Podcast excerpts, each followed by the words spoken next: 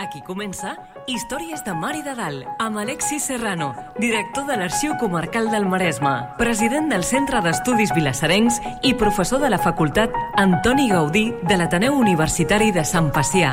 Un programa sobre el nostre passat, les històries, les tradicions, els personatges i el patrimoni de Vilassar de Mar.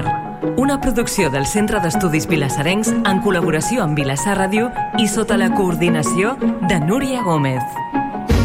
Fa 175 anys, a l'octubre de 1848, es posava en servei la primera línia de tren de la península, que, com és ben sabut, va unir Barcelona i Mataró.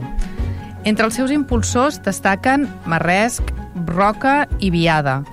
Fou un context molt envers, amb una gran inestabilitat política a Europa i, sobretot, una gran crisi econòmica. Arran de la Setmana Negra, els socis britànics abandonaren el projecte i molts dels accionistes catalans. També fou llavors quan Miquel Viada donà al ferrocarril en construcció l'impuls definitiu. Malauradament, pocs mesos abans de la inauguració, Viada morí. Avui, a Històries de Mar i de Dalt, parlem de Viada i del tren.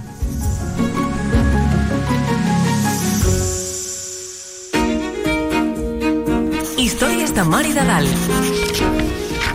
Entrant en matèria.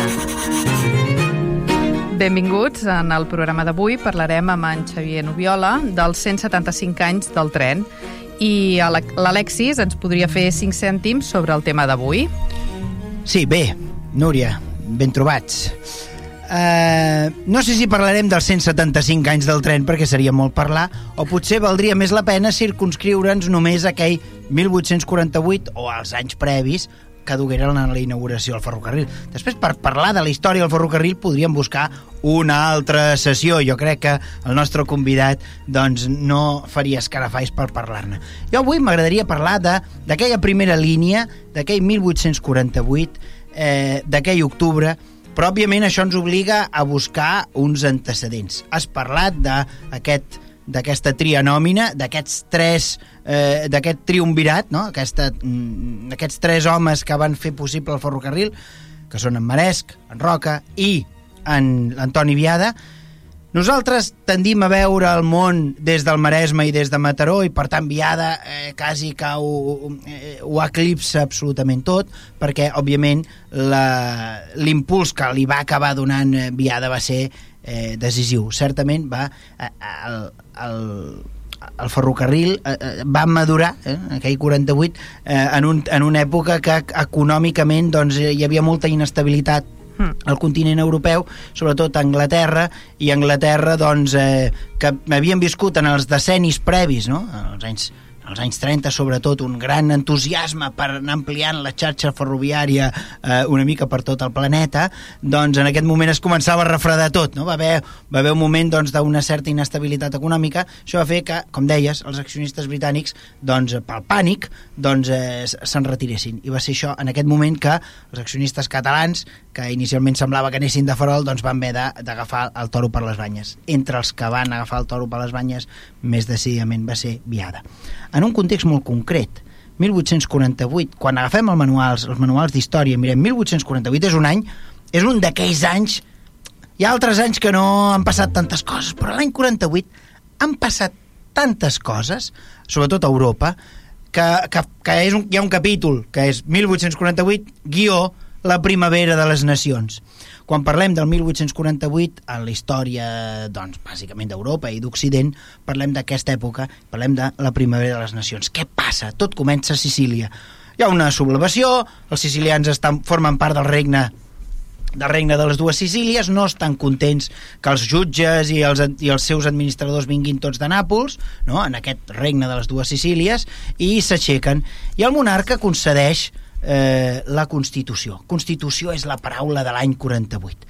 L'any 48 eh, molts estats acabaran assolint una Constitució, un, una carta d'allò que s'anomena de, de règim de carta otorgada, és a dir, que el monarca reconeix drets polítics, drets civils, la llibertat de premsa, i la, la llibertat eh, d'expressió, la llibertat d'associació, per tant, a partir d'aquest moment és, el, és el pistoletazo de salida de molts moviments associatius i sobretot sindicals, agrupacions professionals i de treballadors, és aquell mateix any 1900, 1848 que Karl Marx publicarà el manifest del Partit Comunista Ara encara no té molt de, molta importància, però tindrà una importància l'època que vindrà. El 1848 s'inaugura una gran onada d'allò que s'anomenen revolucions liberals on la gent que ha estudiat, la gent que, que treballa en, en professions liberals, advocats, estudiants, la gent que demanen participació política. I, per exemple, veurem una gran, unes grans revoltes dins de l'imperi austro-húngar i veurem com eh, molts de, moltes d'aquestes regions demanen, si no l'autonomia, directament la independència. Veurem com algunes, algunes altres regions es demanarà l'oposat. A Itàlia es, es pugnarà per la unificació i a Alemanya també. I haurà de sortir el rei de Prússia amb els colors que ara són de la bandera alemana, no? que són els, els colors de la unificació.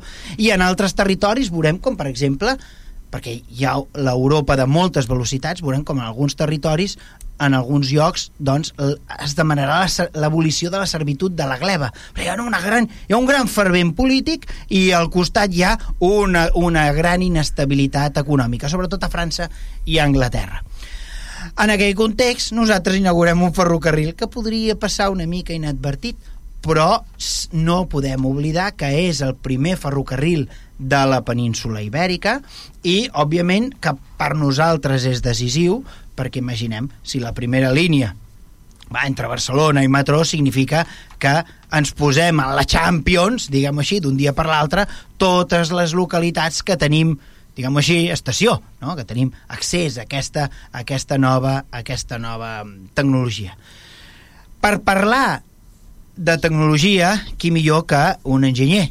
I per tant hem demanat doncs, que vingui eh, en Xavier Noviola que no només és eh, enginyer sinó que a més a més s'ha dedicat en els últims anys a la divulgació històrica doncs, de, de totes les temàtiques que tenen a veure doncs, aquesta tecnologia adreçada al servei de les persones. I òbviament el ferrocarril hi té un paper molt destacat. I ara coneguem el nostre convidat d'avui. Històries de Mar i de Dalt. Coneguem el convidat en Xavier Nubiola és enginyer industrial amb més de 30 anys d'experiència professional en diversos sectors industrials per tota Europa, com a assessor tècnic comercial d'una multinacional anglesa. Des de fa uns 15 anys és divulgador a conferències i exposicions de projectes que han modernitzat el nostre país i que són la causa del benestar aconseguit per la nostra societat, com ara la revolució industrial i el ferrocarril. És col·laborador del Cercle Històric Miquel Viada i la Fira Ferroviària de Mataró. Com a investigador d'estudis sobre la comarca del Maresme, participa habitualment a la trobada d'entitats del Maresme i a la sessió d'estudis mataronins, on s'han publicat els seus comunicats encarregat de l'arxiu familiar Noviola de Castellarnau, fa presentacions sobre la genealogia de la família i la seva activitat com a industrials a la Farga catalana.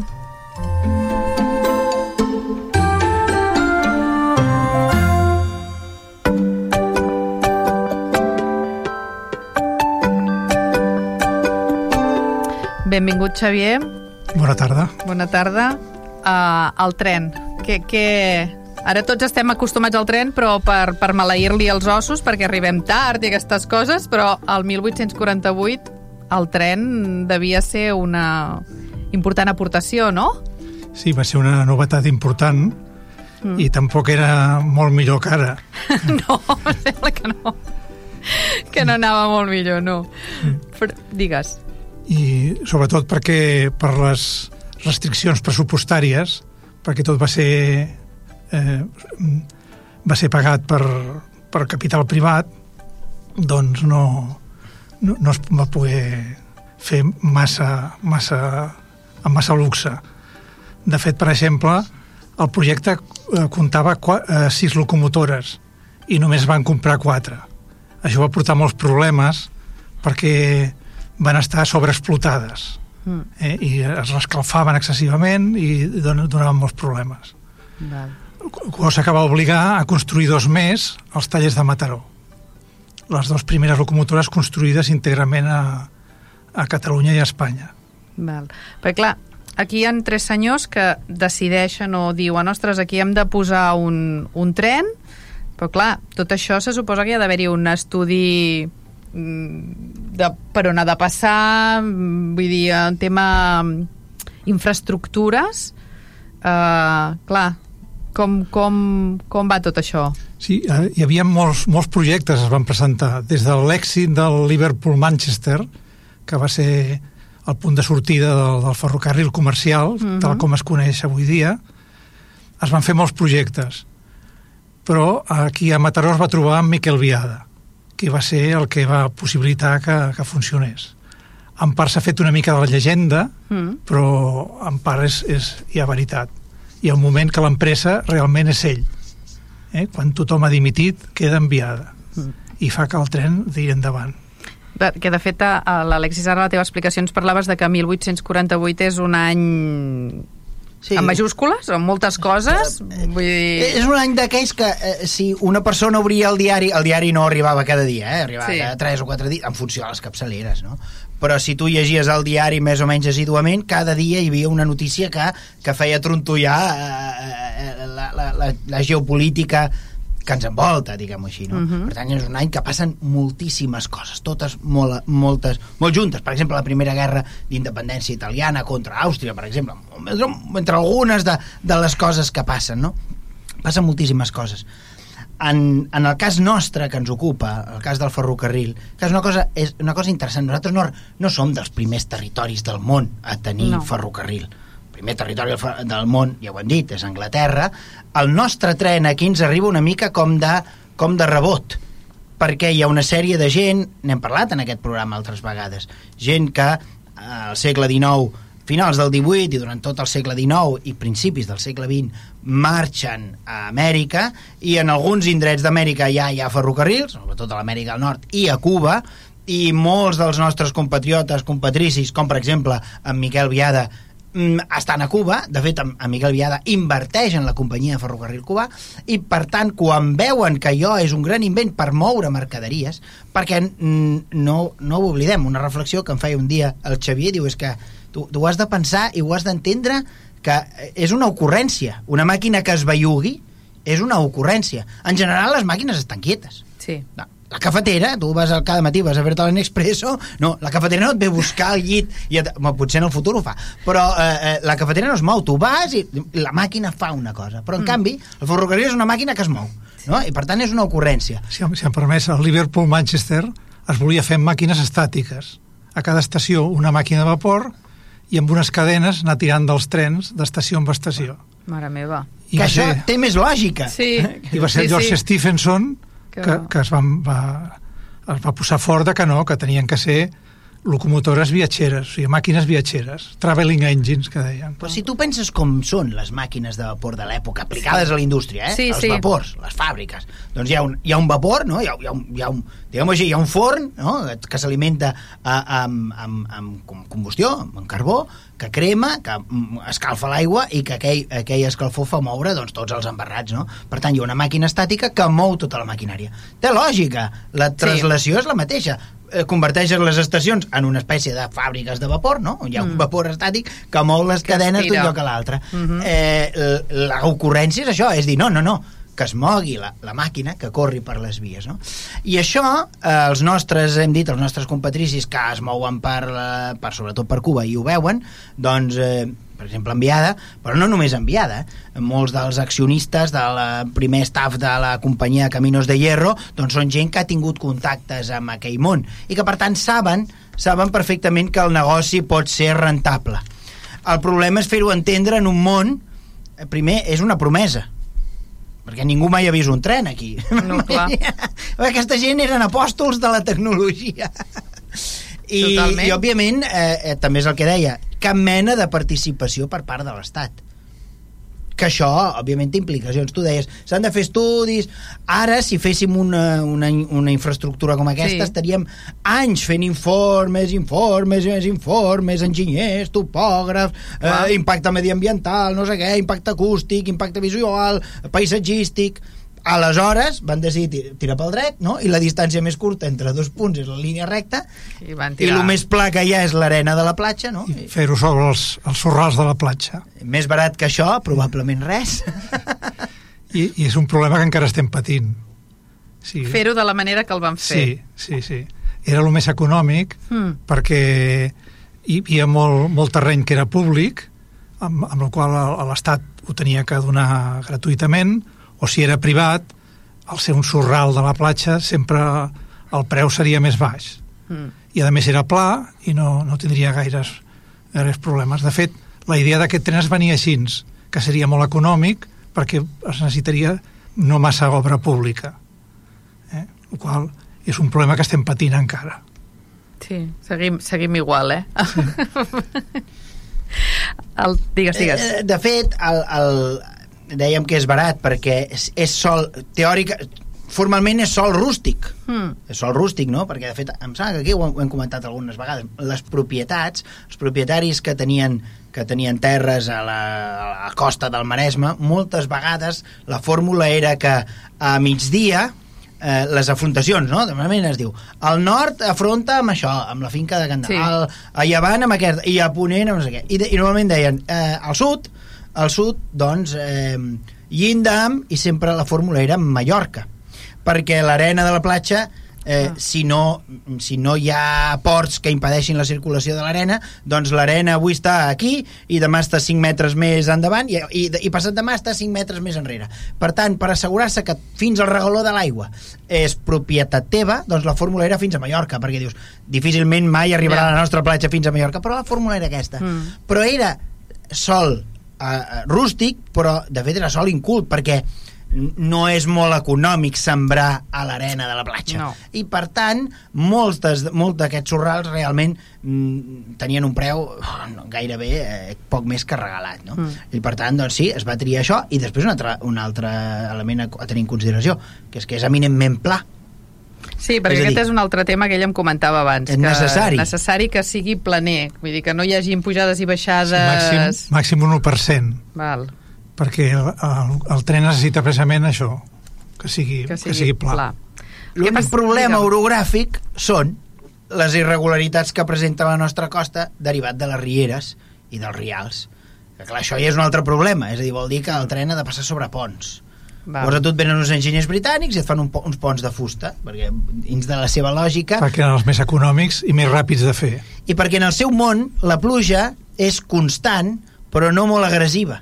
En el nostre món, mediterrani, la pluja és escadossera i molt agressiva. El dia que arriba, mm, ja sabem Sí. què passa. Sí. I per tant, els primers ponts, doncs ens podem imaginar com van acabar. Sí, el del Besòs, el primer any ja de, de la seva construcció, ja s'estava reparant per alguna riuada que havia hagut. Mm.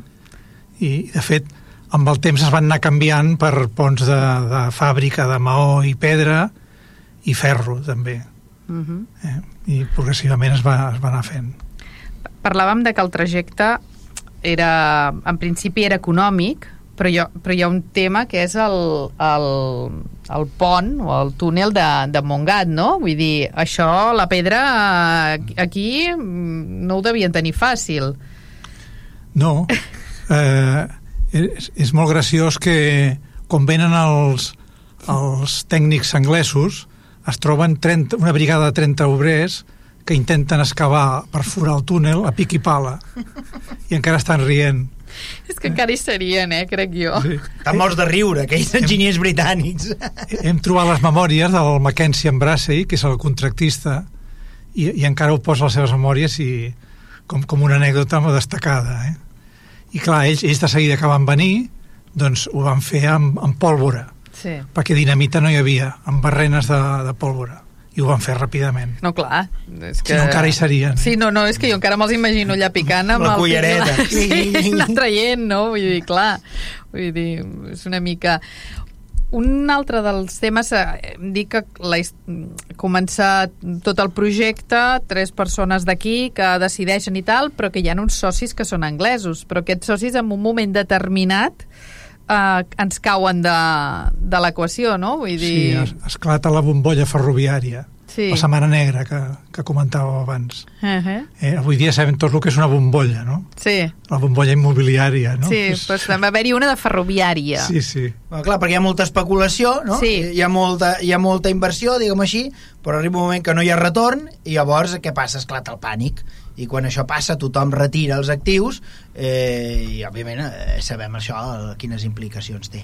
En el nostre cas, doncs, bueno, eh, clar, un projecte que estava que de fet estava ja a, a, a punto de caramelo, diguem així, li quedaven, Sí. li quedaven dos pistonades, eh, doncs clar, si no arriba a ser per, per gent que, insisteixo, havia vist el ferrocarril i sobretot havien vist les implicacions que aquest ferrocarril podia tenir en el tràfic de mercaderies. Però a nosaltres se'ns fa difícil, nosaltres que som usuaris de Rodalies, de la R1, eh, se'ns fa difícil imaginar transport eh, per la nostra lia de, de la nostra línia de mercaderies. Mm. Però realment eh, l'origen és aquest, és a dir, l'intenció quina era? Era moure les mercaderies de, de les indústries.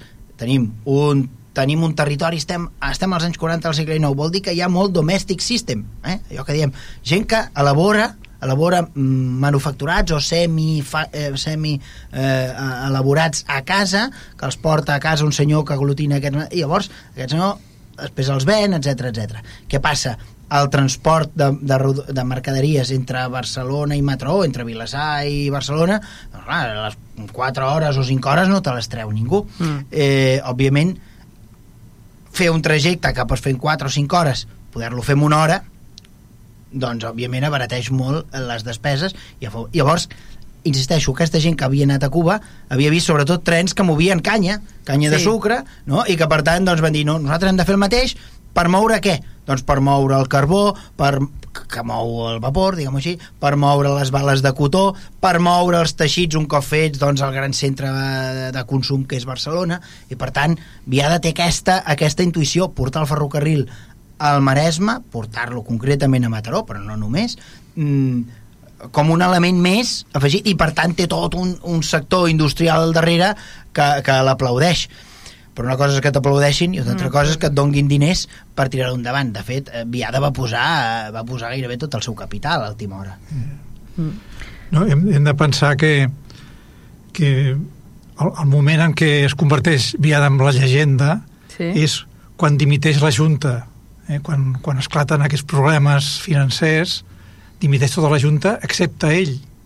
O sigui, l'empresa arriba un moment que és ell, i amb ell al capdavant es, es nomena una altra junta directiva, amb Joan Miret com a president, però hem de pensar que el que sabia que s'estava fent fins a aquell moment era ell. O sigui, la junta nova acabaven d'arribar i just quan ja, ja està la nova junta, llavors ve la, la bombolla ferroviària, la Setmana Negra, i llavors se'n van els anglesos també. I, i llavors és ell que, que logra que el contractista continuï les obres, que no se'n baixi, i, i, i bé, ar arriba, arriba el dia de la inauguració, i llavors ell no hi és. O sigui, la, la llegenda encara creix més, perquè ell mor uns mesos abans, diuen que, que per les preocupacions i tots els, Home, El- el neguit portar que havia estrès passat. aquest pobre home. Inclús arriba a dir que ell, amb un fanal, anava per les nits per la via, vigilant de, que, que ningú fes cap malifet a la via, eh? Mm. perquè un altre, un, altre, un altre problema era que hi havia certa oposició de pescadors i de drassanes que veien perillar la seva activitat a la platja.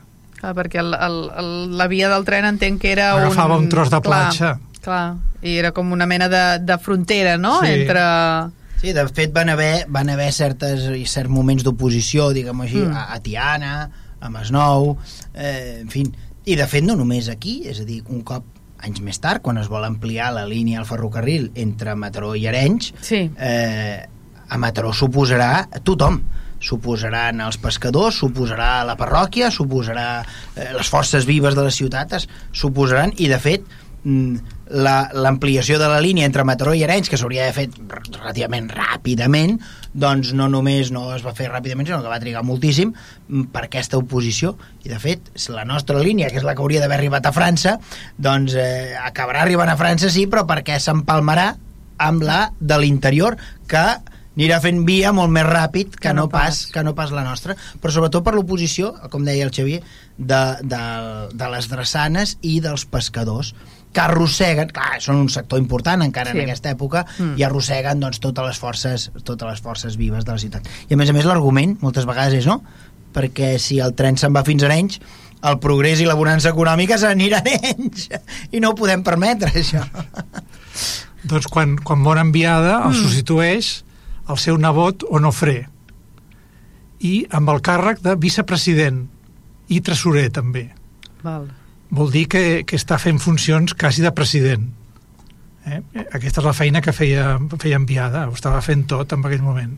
Ah, pobre I- home, li devia donar un llullo, anava estressadíssim. Sí, sí. Clar, si sobre les nits havia d'anar a repassar que no li fessin cap Home, malifeta... Una, una prova de que eh, enviada era l'empresa, el Sí. fet de que a, a, a, a les notes del diari de l'època, Mm. no, la gent qui vulgui eh, eh, eh, adquirir participacions de la societat, diu l'adreça, i l'adreça és als porxos d'en Xifré, que és a Barcelona, que és on enviada tenia la casa i el despatx Ah, mira. no, de la seva companyia, perquè ell era un home de negocis, tenia... Llavors, les accions es, es, es, es dispensaven allà, per tant, vol dir que canviada era gairebé l'empresa. Eh, Sí. Òbviament hi havia altra gent, però, però en fi, certament... El que més era ell, no? La idea del tren, per això, és una idea de, de transport de mercaderies, en cap cas de persones. No, les dues coses. Però, primerament, la mercaderia. La persona ja... Bueno, és que es movien molts diners mercaderies. Val. Sí, sí, sí, per això, per això que dic que al final... No, comença com, com, com viatgers, Val, eh? perquè aquesta zona, sí. entre Barcelona i, i Mataró, Mm. Hi havia unes 200.000 persones. Jo penso que no hi havia lloc a Espanya amb una densitat de, demogràfica tan important en aquell moment. Probablement no. Mm. Llavors era un lloc excepcional perquè funcionés un, un tren de De passatgers. fet, els britànics ho van veure ràpid. Amb les xifres Sí. aquestes De ràpidament fet, les, les mercaderies no comencen fins al cap d'un any. Val. I sí, sí, van ser molt importants les mercaderies. Perquè, eh, una altra cosa, el contratista era anglès? Sí. Vale, o sigui, perquè ells ja sabien de què anava el tema i Sí. llavors els porten aquí perquè sigui més Ah, fàcil. Era un personal, sobretot especialitzat, van venir Mhm. molts anglesos, inclús alguns es van quedar aquí, altres se'n van anar, Sí. però molts van quedar i, i van formar a molts, molt personal d'aquí que va anar a altres ferrocarrils també. Eh? O sigui, va ser una diàspora de- d'expansió de, d'aquesta tecnologia. Mhm. Va obrir la porta a tot això i a noves eh, a nous treballs, noves feines especialitzades, ferroviàries. Sí, clar. Eh? Va els, ser... els fogoners, els maquinistes... Eh, clar. Els revisors, els, el del canvi d'agulles, no? I perquè també hi ha aquests que fan el canvi de, Sí. de les vies, no? Bueno, de Sí, les això de les agulles, ens referim a agulles de, De, del del, tren. tren, eh? Sí, sí, sí. Parlàvem del tren. i, i parlant de, de llegendes, Sí. hi ha la llegenda del Tom Ross, eh, que, que era el maquinista de la Mm. locomotora Mataró, el, que, que va ser el tren d'honor que va inaugurar la línia. En aquell moment, eh, si eres anglès, et deies Tom. Val. Tothom els, els hi deien Tom. Afegit d'un nom que, que representava alguna de la persona. Com es veu que era una persona que era ros, de cabell Ah. i inclús de barba, doncs era el Tom Ross. Val. Eh? No sabem realment com es deia, però ens ha arribat el, Tenim una intuïció, que era Ros. el, el malnom L'única que cosa que era, sabem és que era ros. que era Tom Ross, es va fer, es va fer molt popular Potser no es deia Tom, eh? Però Ros ho era. i no sé, seria com un astronauta ara, no? Sí. Era el que feia anar la màquina. I aquest senyor era, era nacional o era també internacional? No, no, era, era galès, Ah, era britànic, no, diguéssim. Ah. Tu imagina't, això hauria de ser una cosa eh? exòtica. I- Totalment, no? Però la realitat és que quan, quan comences a furgar, te n'adones Sí. que el món estava, ara en diem globalitzat, però, Però és que sí, ja ho estava, estava, molt globalitzat. no? Sí. Eh, quan parlem de- d'aquesta- d'aquests tres noms, no? en Roger, eh, hi ha un que està fincat directament a Londres i que mou el comerç i que, per tant, és l'home que deu actuar... eh, D'intermediari entre els anglesos i, i els d'aquí, no? Eh, Ho veus, no? Tios que estan 30 anys a Cuba i després s'instal·len aquí, però que han vist, han vist trens a Nova Orleans, han vist... Perquè, clar, realment, aquesta gent s'ha mogut molt. Clar, era un món... Era un, hi havia una petita part de gent que havia vist el món. Però no oblidem una altra cosa, que l'imperi britànic a l'època era un, realment era un gran imperi que s'extenia per tot arreu i que havien entès, eh, la reina d'Anglaterra havia entès que la manera de fer aproximar els nodes d'aquest imperi era amb ferrocarrils per tant veurem com els, els britànics que deien, pues hem de portar el ferrocarril a la Índia hem de portar, no? i aquestes grans i aquestes companyies, que són companyies privades tenen sempre, en el cas dels britànics tenen sempre recolzament de la monarquia. Aquí a Espanya, concretament Caminos del Hierro, la primera companyia, la nostra, no va tenir massa, massa ajut de la cort. Per bé que li van posar el nom de, de la regente, no? Li van posar el nom però bueno, no, no. imagino que buscant-se la gràcia Però lo de Caminos de, Sí. de Hierro la és... Doña Maria Cristina de Borbón Ah, amigo. li van posar aquest nom, van intentar eh, suposo que picar-li l'ullet a la casa reial I aviam no, I no va colar. eh, no. Vale. A mi m'ha agradat eh, el nom aquest de Camino de Hierro. Sí, Se'l trobo és, molt... és poètic És molt, sí, sí, l'he trobat molt maco. eh, No? és més que- maco que els noms de les companyies que vindran després perquè Que ferrocarril no s'havia inventat encara. La paraula no la teníem. No, era un camí permanent. Els anglesos primer diuen a permanent eh, eh, way, o Sí. permanent road, perquè els camins, cada pluja s'havien d'anar arreglant. En canvi, el, el, el camí de ferro pues, era un camí permanent. Uh -huh. I es va dir així fins que algú se va inventar lo de railway o ferrocarril. Devia ser els americans, que aquells Sí, no s'ho inventen tot, no? Sí. Perquè també el tema dels ferrocarrils allà, déu nhi Uh, Saps que és paradoxal si ara mires el mapa Sí. de xarxes... Jo aqu- aquests últims dies estic, estic emborratxat, emborratxat de, de trens, cosa que no m'havia plantejat mai, me les plantejo ara, i mires la, la, la, la quantitat de línies ferroviàries que hi ha a Europa, sí. Europa, sobretot a la zona a, a França, Àustria eh, i Alemanya, hi ha una xarxa, i Suïssa, tupidíssima de ferrocarrils. No? Convido la gent que faci això, que miri mapes de trens al món. I, i una cosa tupidíssima, sobretot a a a l'Europa central. Ah, la península Ibèrica no estem malament, eh? no estem malament. Si ho compares amb els Estats Units, que és un país enorme, hi ha poquíssimes línies de ferrocarril. N'han sobreviscut poquíssimes. Mm. N'hi havia més a finals del segle XIX i a primers del segle XX que a dia d'avui. És una cosa, és, és, és, és d'estudiar lo dels Estats Units. Han privilegiat molt, moltíssim el Sí. transport privat, di- individual, no Mm. col·lectiu, i, i el ferrocarril, el- les línies de ferrocarril, moltes de les que tenien han desaparegut. Nosaltres també teníem algunes que han desaparegut, però se n'han fet d'altres, sí. però realment si tu compares Europa amb els Estats Units no hi ha color, eh? No hi ha color. Jo crec que el tren, avui parlem del passat, però el tren, el tren jo crec que és el futur. Sí, És el sí. Home, és un mitjà que no contamina... um, Jo crec que té moltes bondats. Sí, Més enllà de la línia nostra concreta que té la, la, la preocupació del mar, eh? Que et dic que no és l'única, eh? Vull dir, jo crec que és un problema de Renfe en general, eh? O de Rodalies en general. Renfe Adif o, o, o del digue-li com Ministeri. vulguis, digue-li com vulguis. hi ha un problema encara més greu Sí, i és l'ample de via. clar. Eh? Aquest és polític. Sí, sí uh, va estar recolzat per un informe tècnic, l'informe Subercase, però que, que recomanava los seis pies castellanos, Mm. però, clar, la decisió final tenia que haver sigut política. Sí, Perquè, clar, quan s'arriba a la frontera francesa, allà ja no seguim. allà tenen l'ample internacional i nosaltres tenim l'ample ibèric de los seis pies castellanos, que és un pam més ample. Sí, la, els trens aquí són més amples que Sí. els d'Europa. Les vies, diguéssim, i, bueno, i evidentment la maquinària. Hi ha, hi ha un llibre molt famós que es diu eh, eh, Via, eh, an, via ancha, eh, mente estretxa o alguna així, no? Això donarà moltíssims, moltíssims problemes. Jo estic A l'ample de la L'ample via. de via. Jo estic convençut que molta gent que, que té una certa edat, que ens està escoltant, gent Sí. de Vilassar, recordarà perfectament aquelles campanyes de la- d'exportació de, la patata primerenca, eh, Sí. les Metro Potatoes, Mm. que tota la campanya perillava pel fet de que quan arribaven a Can Franc, no? que arribaven a, a, a, a, a, Portbou, A la, a la frontera, eh, i s'havia de fer... Eh, clar, s'havia de, de, S'havia de canviar de, de, de tren, de tren no? Clar, s'havia de fer els canvis no? de totes les senalles de patata. Sí. Llavors, però jo mm, es podia fer ràpid o es podia fer no tan ràpid. Llavors, què passa? Això, si tu arribes una setmana abans o una setmana després als mercats, mm, té moltes implicacions. Sí. Perquè quan ets el primer que arribes, el preu el, posa, el, el poses Sí. tu. Si ets l'últim que arribes, el preu ja te'l donen, te'l, te'l, Sí. te'l, et ve donat. Però tinguem en compte que en una època que els ferrocarrils no van climatitzats, No, la no. patata, el sol en els vagons, aquells vagons de fusta i de ferro, eh, poden arribar mig torrades, eh? Home, I sí. per tant, el, el problema era aquest, és a dir, el que feia...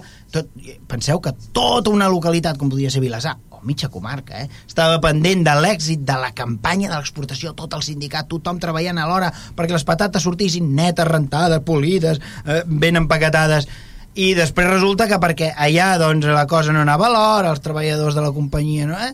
Mm, i perillava, feia perillar la, la campanya de- d'exportació. Això havia passat abans encara amb la taronja, no? a finals del segle XIX, havia passat també amb la taronja. Vull dir, porta, té moltes implicacions el de l'ample. La justificació, no podem tenir el mateix, el mateix ample de via que els francesos, no fos que un dia ens vulguin envair. Pot semblar una excusa, alerta, que una intuïció certa. Al segle XX, la guerra industrial, la Primera Guerra Mundial i la Segona Guerra Mundial portarà milers milers, si no milions de soldats al front i els portaran amb trens. Sí. És a dir, les, les grans... Si, si mirem la geografia de les grans batalles de la Primera i de la Segona Guerra Mundial, tenen a veure en finals de línia De- on eh, eh, s'abocaven milers de, treball- de, de soldats que anaven a morir, pràcticament a morir al front. No? Mm. Per tant, que, quan la guerra s'industrialitza, eh, un element capdalt és, és el ferrocarril. Eh? Vull dir que una intuïció hi era, però el que sí que és veritat és que portarà més problemes que beneficis, i de fet d'alguna manera encara ho paguem, no? Sí, sí. Estem aïllats. Estem aïllats, no? Sí. Excepte amb l'AVE. L'AVE ja va decidir agafar Ah. la via internacional. Val. O sigui, amb AVE podem arribar sí. on vulguem. Representa, bueno, on vulguem no, on ens arribi. Gairebé sempre passant per Madrid. Sí. Però sí. clar, no, no tot és l'AVE i aquí mai s'ha arribat a prendre la decisió de canviar de via. Però clar, canviar de via implica el, la via i la maquinària, no? Perquè els trens no els pots... És la mente estretxa, com deia el Sí, no, no, no, no, sí, sí, sí. En el títol li escau. a, a, ampliar la via és difícil, perquè els túnels, els ponts, mm. no donen de sí. Però Sí. sí. si has de fer més estreta, els túnels i els ponts ja estan, Ja ho tens, ja sí. estan a mida. O sigui, No seria gaire complicat. Eh. El problema és que suposo que has de canviar de bones a primeres tota la maquinària, però jo entenc que potser això es pot anar fent per, per línies. Sí, Dic- dic exacte. No, no, jo crec, també ho "Ah, penso." Demà, demà, des de Finisterre fins al Cap de Creus, canviarem totes les vies. Home, No, potser pots no, anar fent però es- trams, jo calculo no? que es deu poder fer. Es, Jo també ho no, penso. No sé, no, sé. Sí, sí. no sé si hi ha algun altre país que s'hi ha trobat amb un ample diferent. Bueno, el corredor del Mediterrani ho estan fent amb tres, amb tres carrils. Si la mateixa via tens els dos amples. Ah, S'està fent Ah. així. sí. però és tu. Però té els seus problemes també. Eh? Home, clar. No és fàcil, no? Perquè hi ha cruces, hi ha desvius, tot això s'ha de gestionar. Però sí, és una Aquí manera. sembla que hi hagi com una qüestió nacional, no? El Sí. nostre ample de via és aquest, no? Mm. A més té aquest nom, no? L'ample Sí. ibèric. Sí, és que és, és com molt... És I- com molt Té lo una- nostre, no? Seis Allò- pies castellanos. És Sí. algo patriòtic. És una vida justa, Sí. eh? Eren els seis pies castellanos. Molt bé, No castellans. sé, no sé. Però bé, era- l'informe tècnic està bé, eh? Hmm. Sigui, és correcte. Però la decisió política és incorrecta, perquè Sí. tenien d'haver dit no, ens volem connectar amb França i, i això no es va tenir en compte. Bueno, però jo penso que hi ha aquesta mentalitat de si ens connectem amb França, a millor França un dia decideix enviar-nos Ah. trens plens de soldats i envair-nos, Tinguem no? en compte, però, tinguem en compte, però, que la gent que viu l'any 48, La gent que té una certa edat, i no cal que siguin ancians, que tinguin una memòria reculada, recorden perfectament, doncs, com eh, el monarca francès ha enviat els 100.000 fills de Sant Lluís per restablir la- la- la- l'absolutisme a Espanya, o com encara uns anys abans, i, i de fet gent de la generació d'enviada, la gent de la generació d'enviada, per exemple, eh, eh, ha sentit a parlar, quan eren petits han sentit a parlar de Napoleó. Per tant, que la gent als anys 40 digui alerta que França en tant en tant, és a dir, Sí. venim d'una llarga trajectòria que s'inicia a primers del segle XVIII, Mm. que de fet podríem recular encara al segle XVII, d'aquestes apetències de França de voler de voler-se annexionar al sud de, de, de, al seu imperi nacional al sud i per tant estem aquí Mm. Per tant, jo puc entendre el raonament polític que digui no, no, l'ample que sigui diferent, etc etc. Ho puc entendre per la gent de 1848. Sí, em costa no. entendre-ho al 2023. No. Quan se suposa que estem en un club de socis de la Unió Europea, etc. Mm. Sí, no? Li hauria de... no sé. Bueno, és que em sembla molt fort que ens fem això, no? Una via amb tres mides per, Per mantenir l'ibèric. per mantenir l'ibèric, que seria molt més fàcil de dir, doncs mira, anem canviant, el que deies tu, anem canviant coses i anem, i anem adaptant-nos, no? Es tindria que canviar ja.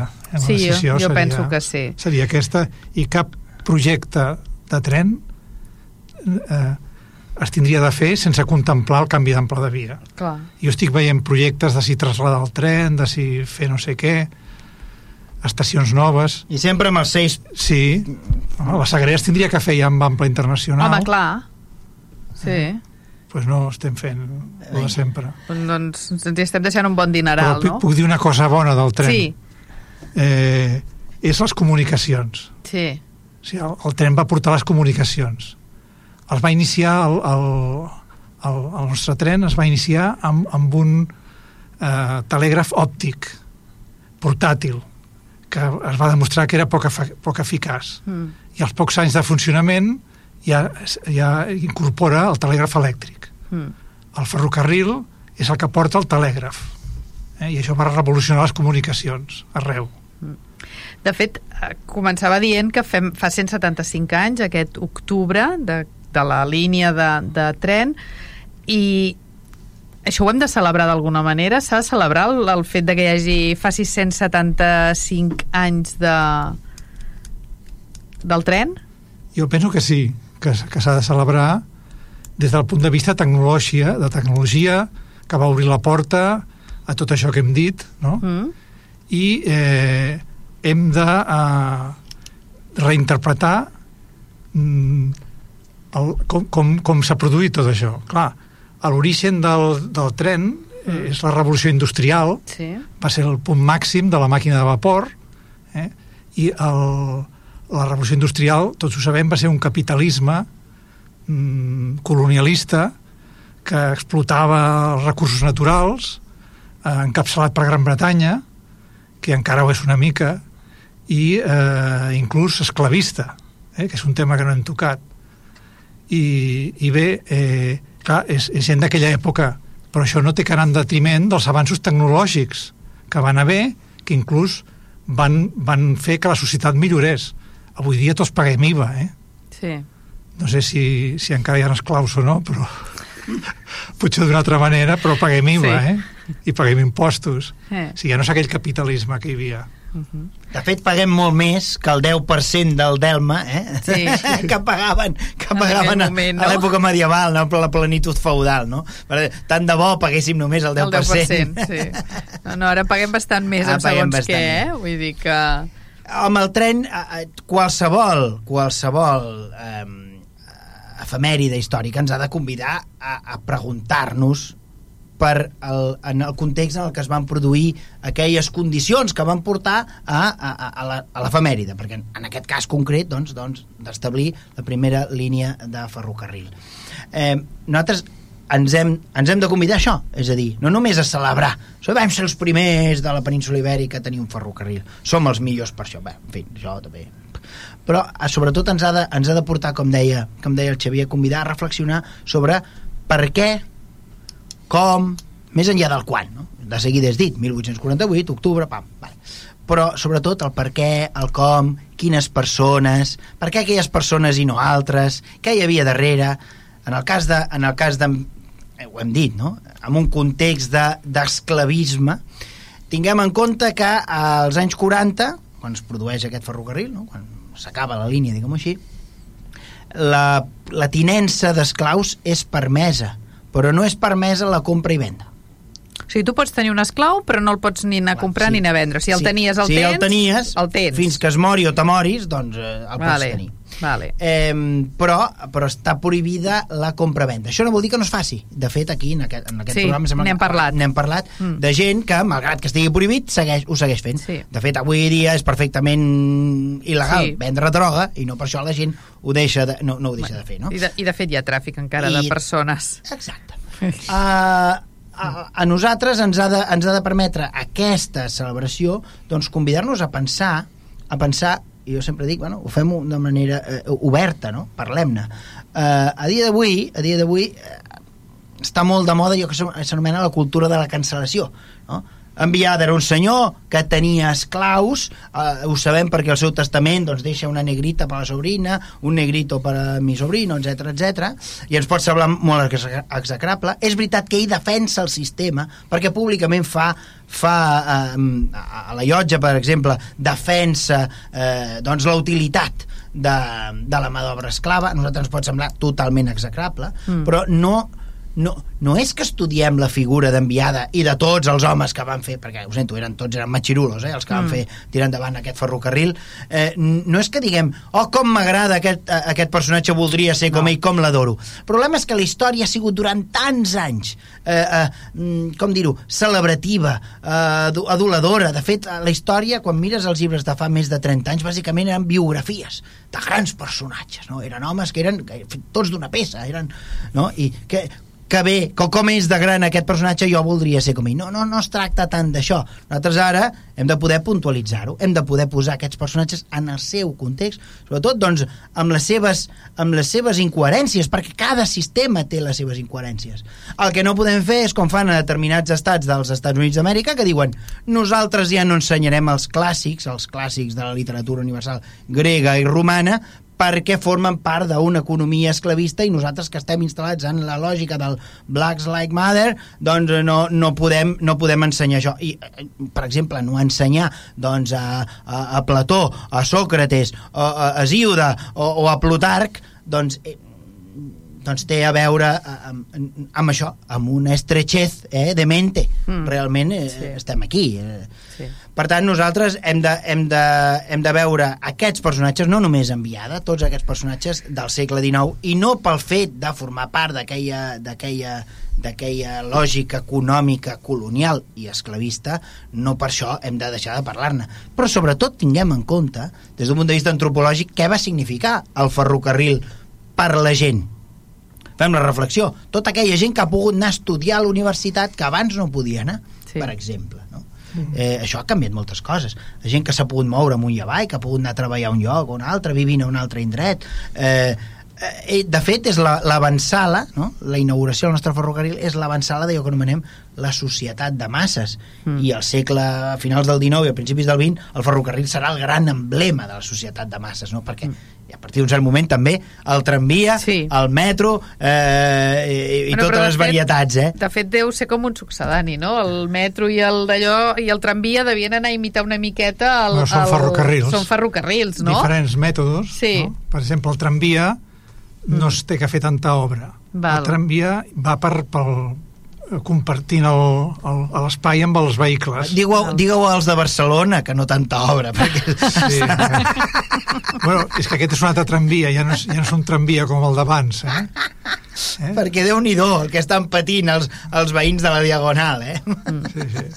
De totes maneres, estem parlant del tren i parlem, de, evidentment, del nostre, de la nostra línia, però tal, però també hi ha aquests... Mm, quan tu parlaves de, de mirar-lo de les línies eh, ferroviàries d'Europa, de fet, hi ha alguns trajectes amb tren mm, fets amb, no sé, a l'Orient Express, per exemple, que són trens, eh, entenc que de luxe, vull dir, agafant el, el, el fet de viatjar d'una altra manera, no? Vull dir, els, uh, aquest tipus de tren... Tren històric. Sí, sí no? Vull dir que també... Turístic Sí. sí, però bueno, que també era una manera, suposo que la gent que anava amb aquest tipus de, de tren també devia ser d'una classe social que no eren els que agafaven el tren per anar a treballar a Barcelona, ens no? hem d'imaginar la classe social sí, que no, ens clar. representa l'Agatha Christie en, en les seves novel·les. Mm. Aquella, aquella, aquella burgesia industrial, financera... Mm. No, a Suïssa, a Suïssa n'hi ha, ha trens turístics, eh? Jo aquest estiu volia anar amb un, tots plens. Sí, tots plens, si, clar. Si no reserves sis mesos abans, estan mm. tots plens, eh? És un èxit. I aquests van a l'hora, eh? Sí, Segurament. A Suïssa van, com un rellotge. no? no passa com aquí, no? Que... Sí. No, però aquests ferrocarrils que deies, sí. no? l'Orient Express, sí. segurament l'Orient Express és, és el fulcre d'aquesta tipologia de, de tren creat per moure gent que no va a treballar. La gent no Sí, anava a treballar a. Estambul. Potser alguns, sí, alguns financers, homes de negocis, no dic Mm. que no, però en general aquí el que hi ha és un és, és turisme, Mm. és turisme. I, I per tant, perquè està naixent, està naixent una classe, una classe social adinerada que té mm, força temps lliure i té possibles per gastar-se'ls i, home, està bé tenir eh, viure a Barcelona i un- tenir una caseta a Vilassar i estiuejar, però si a més a més et pots passar, jo què sé, 20 dies doncs anant fins a Estambul amb un cop de tren, no? Després arribarà un altre, hi haurà qui agafarà un tren a Liverpool i dirà, doncs me'n vaig a Nova York eh, amb tren, no? I agafaran trens a rotllo el Titanic, no? Ai, Eh. trens, eh, vaixells com el Sí. Titanic, no? És exactament el mateix, no? Luxe, per un costat luxe, per l'altre costat també tinguem en compte que tots aquests trens també tenien de segona classe, tercera classe, òbviament eren aquells trens com era la societat, estava nítidament separada. La gent no s'ajuntava, No. eh, els rics no, amb no. els pobres. Eh? Bueno, Per tant, de fet, aquí ara, perquè anem tots a allò com... Tots al mateix vagó. Ara tot és terc- ta- quarta classe. Ara tot és, sí, però abans hi devia haver primera, segona i tercera, no? Vull dir que els trens també Sí. tenien el seu què, no? Sí, sí, no em facis parlar d'això perquè... Sí, sí, aprofitem. Fem un d'allò i així també fem una pinzellada i els tercera nostres classe, oïdors... tercera classe no tenien sostre, Inicialment, eh? que, que eren vagons, realment vagons. Exacte, eren ah, vagonetes. Es té que dir cotxe és quan és per, per viatgers i, i els vagons és per mercaderies. Però si eren vagons de Eren mercaderies amb uns agents. Els hi deien eh, vagons banyera perquè quan plovia mullaven i les estacions les tenien de buida d'aigua. Havia, Sí que van havien d'obrir la porteta Perquè perquè, caigués l'aigua, no? Sí, no, no us queixeu, eh? No, no, no. Els de segona, Sí. els de segona ja tenien sostre, però no tenien vidres. I a l'hivern la gent es queixava. Clar. Va intentar ficar unes cortinetes, però no, no, no, no funcionaven. I llavors els de primera, bé, ja aquests Ja ho sí que tenien tot. Ho tenien tot. Vale, Eh? vale, vale. Sí, sí, però arribaven tots fumats. Clar, els de Perquè- primera devia venir-li tot el fum de... No, no, de fet, primera o tercera. Tercera, perquè no? El penseu, mateix. eh, Els trens quan, no donen la volta quan arriben al cap de la línia. Vale. No és que dongui la volta. Vull dir que segons a quin sentit de la marxa, el tercer van al primer vagó i, i Vale. o són el, eh, això és indiferent. Vale. Però tots arribaven fumats perquè, clar, eh, el vapor... Eh, de fet, això encara hi ha gent que ho diu, no? Hi ha gent que... Els immigrants que venien amb el Sevillano, el, el famós Sevillano, mm, eh, deien que arribaven amb la roba que feia una olor... com- Perquè, clar, també devien haver-hi noms, mm, com ara deia ell, el Sevillano, que deuen ser els que venien d'Andalusia i migraven aquí. I abans hem comentat que un dels trens, la locomotora es deia Mataró, per tant, també els trens devien tenir el seu... Ara és la R1, la R4, la no sé què... Bueno, que això tenir sempre ha sigut la línia del litoral. la del litoral. Sí. I, i els primers vagons aquests que dèiem, o cotxes, Sí? eren eh, de compartiments independents. Si no és com ara, que pots anar amunt i avall, hi ha un passadís central, no? Eren compartiments. I cada compartiment tenia una, una capacitat de 10, 10 viatgers. Bueno, una mica és com quan veus els, Sí. el, les pel·lícules, els trens aquests, amb, que entres amb la porteta, no? I... Però no hi havia passadís. No, no hi Però no hi havia. passadís. o sigui, Entraves directament en el... des, de, en el... des, des del carrer entraves a, a, Val. al teu compartiment. Val, I val. no hi havia ni andanes a les estacions. I com tu feies? Sí, hi havia uns estreps, els, els, els vagons o cotxes, Ah. i havies de pujar. I això donava lloc a que els nois s'anessin a les estacions A veure els turmells. i els botins, sí, no? ja els turmells eren molt, els botins. Els, els turmells ja era, vamos, I- i un nu, això, eh? Home, clar, perquè heu de pensar que duien a Nagu contra Nagu. Hi han romansos de l'època, no?, que Eh. d'aquells versos i cançons que es feien, on hi ha dibuixos d'aquests. Eh? Sí, I, I encara més, al túnel de Montgat sí. se li deia el passatge del amor, perquè s'aprofitava el moment de foscor, amb aquests compartiments que hi havien, Yep. doncs per, Per, per aprofitar. Per fer rom- manetes. Posa el rombos, posa el rombos. per fer manetes. Eh? manetes, així. bueno, sí, manetes, però no es podia fer massa més cosa, no? No sé quanta estona et No, dura són, el, el... són segons. Sí, clar. no? Vull dir, no, no hi ha massa temps de fer res. Home, alguna cosa van fer els nostres besavis perquè els nostres, els nostres avis arribessin al món.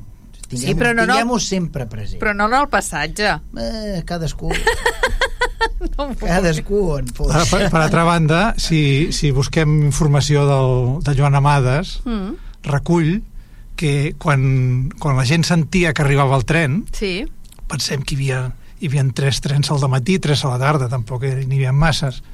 Quan se sentia la remor del tren, les famílies tancaven dintre de casa i de, de, jun, de junallons resaven el rosari fins que passava el tren. Perquè, clar, era un instrument diabòlic de, de foc i, i fum. fum. Ostres, Déu-n'hi-do, no? Això és una mà de recull. I hi ha alguna nota de diari que diu que algú, a, a, abans de veure entrar el tren dins del túnel doncs saltava, saltava el tren en marxa perquè per, feia per por. pànic a que, a, a que no se l'empassessin perquè al final sembla com no, la, la porta de l'Avern eh, no? Mm. És curiós perquè, clar, nos, clar tu penses de, ara amb, el, amb la mentalitat d'ara i aquestes coses no, no se t'acudeixen, però clar, en aquell moment per molta gent veure una màquina que es movia, que arrossegava... De, a veure, devia fer el seu, el, el, la seva por, no? El tren, bueno, la, la locomotora en 8 podia arribar als, als 80-90 km hora. I el, i el arrossegant tren, sí. pues 40, 50, 60. Clar, és una velocitat que no s'havia vist mai. No, clar. Els metges pronosticaven malalties ah. eh, d'això. Eh, i, I clar, la gent tenia por. Molts feien testament abans de pujar el tren. Sí. Però malgrat això s'ha de dir que els primers anys sí. la companyia va fer moltíssims de diners perquè es va convertir com una atracció. Bueno, clar, i la gent de ser... Barcelona comprava el bitllet per anar, per, no, però no per anar a Mataró a, a fer alguna cosa, eh? No, no. no. Sinó per anar amb tren i, i tornar, i tornar no? I era una gran excursió. La, imagina't el que implica això, arribar, eh, jo què sé, eh, el dilluns a, a la feina i dir és que ahir diumenge vam anar a, a Mataró, a què fer? Res, anar i tornar. perquè imagina, no? Eh. Jo deuria no, ser. I quan, I quan la gent arribava a l'estació s'abraçaven i, i es felicitaven que havien passat una prova realment. Ostres. Eh? Clar, ja et dic, és que nosaltres ara ens ho mirem des de la nostra mentalitat i, i ho veus com una mica exagerat, sí, no? no? Bueno, no, que no també quan arribes eh? segons a quin lloc també baixes i fas petons a terra, eh? Perquè també a vegades és una odissea arribar, no? Però clar, aquella gent devien pensar, i això què és, no? Vull dir, sí, clar. Sí, una novetat important. Uh -huh. sí. Bueno, se'ns està tirant el, el temps a, a sobre i no sé si hi ha alguna cosa que, de totes les que hem parlat, que hem dit, ostres, però d'això no ho hem comentat, eh, així rapidet, rapidet, que... Jo crec que eh, em, em reafirmo el que deia abans. Crec Val. que haurem de fer un altre programa per parlar de 1848 cap Anant aquí. endavant. És a dir, Val. perquè han passat moltes coses, ara no tenim temps a No. anomenar-les, però avui hem parlat bàsicament d'aquells primers anys, de la primera Mm. companyia, els Caminos de Hierro, però jo crec que podríem parlar en una, en una, en una propera entrega, diguem-ho així, podríem parlar doncs, de les companyies que han administrat, les companyies privades que han administrat la nostra línia i eh, finalment doncs, a partir doncs, de la nacionalització, l'estatalització de Mm. l'aparició de Renfe, perquè ens entenguem, Sí. per parlar doncs, després, clar, de final de Renfe fins ara ja han passat, què, 50 anys? Eh, per tant, jo crec que val la pena potser també eh, dedicar-nos a això, no? parlar dels administradors i sobretot parlar de què va passar després de 1848 i també des d'un punt de vista tecnològic, no? quan Eh. es va electrificar la línia, etc etc. Hem parlat del telègraf, però pod- podríem parlar de moltes altres coses. I podríem parlar doncs, del túnel de Tordera, ai, del pont de la Tordera, podríem parlar des d'un punt de vista eh, de la enginyeria, té... De, de l'escollera de Cabrera, Molt bé. podríem parlar de molts temes. Jo crec que això de, ho de l'enderroc de l'estació de França. Val, doncs que és una tragèdia, és una tragèdia que s'està vivint als nostres dies i que ningú diu, ningú diu res. no ningú diu res. No? És la última gran estació de marquesina per, per màquines Sí, de vapor, eh? La sí. última feta del, del nostre... Bueno, són o enderroc parcial. per bueno, això. sí, sí, sí. No. Però una estació que té un conjunt, que té una unitat, doncs ara mira, l'anem... Es perd. L'anem perdent. en fi. Par- Parlarem, parlarem. En parlarem, doncs. Moltíssimes gràcies, Xavier. Gràcies a vosaltres. Hem arribat al final del programa. Recordeu que podeu tornar a escoltar el programa a través de vilassarradio.cat i a Spotify buscant Històries de Mar i de Dalt. També us podeu subscriure al canal de Spotify per rebre el programa cada setmana. Adeu i fins al proper programa. Històries de Mar i de Dalt, un programa sobre el nostre passat, les històries, les tradicions, els personatges i el patrimoni de Vilassar de Mar. Una producció del Centre d'Estudis Vilassarencs en col·laboració amb Vilassar Ràdio i sota la coordinació de Núria Gómez.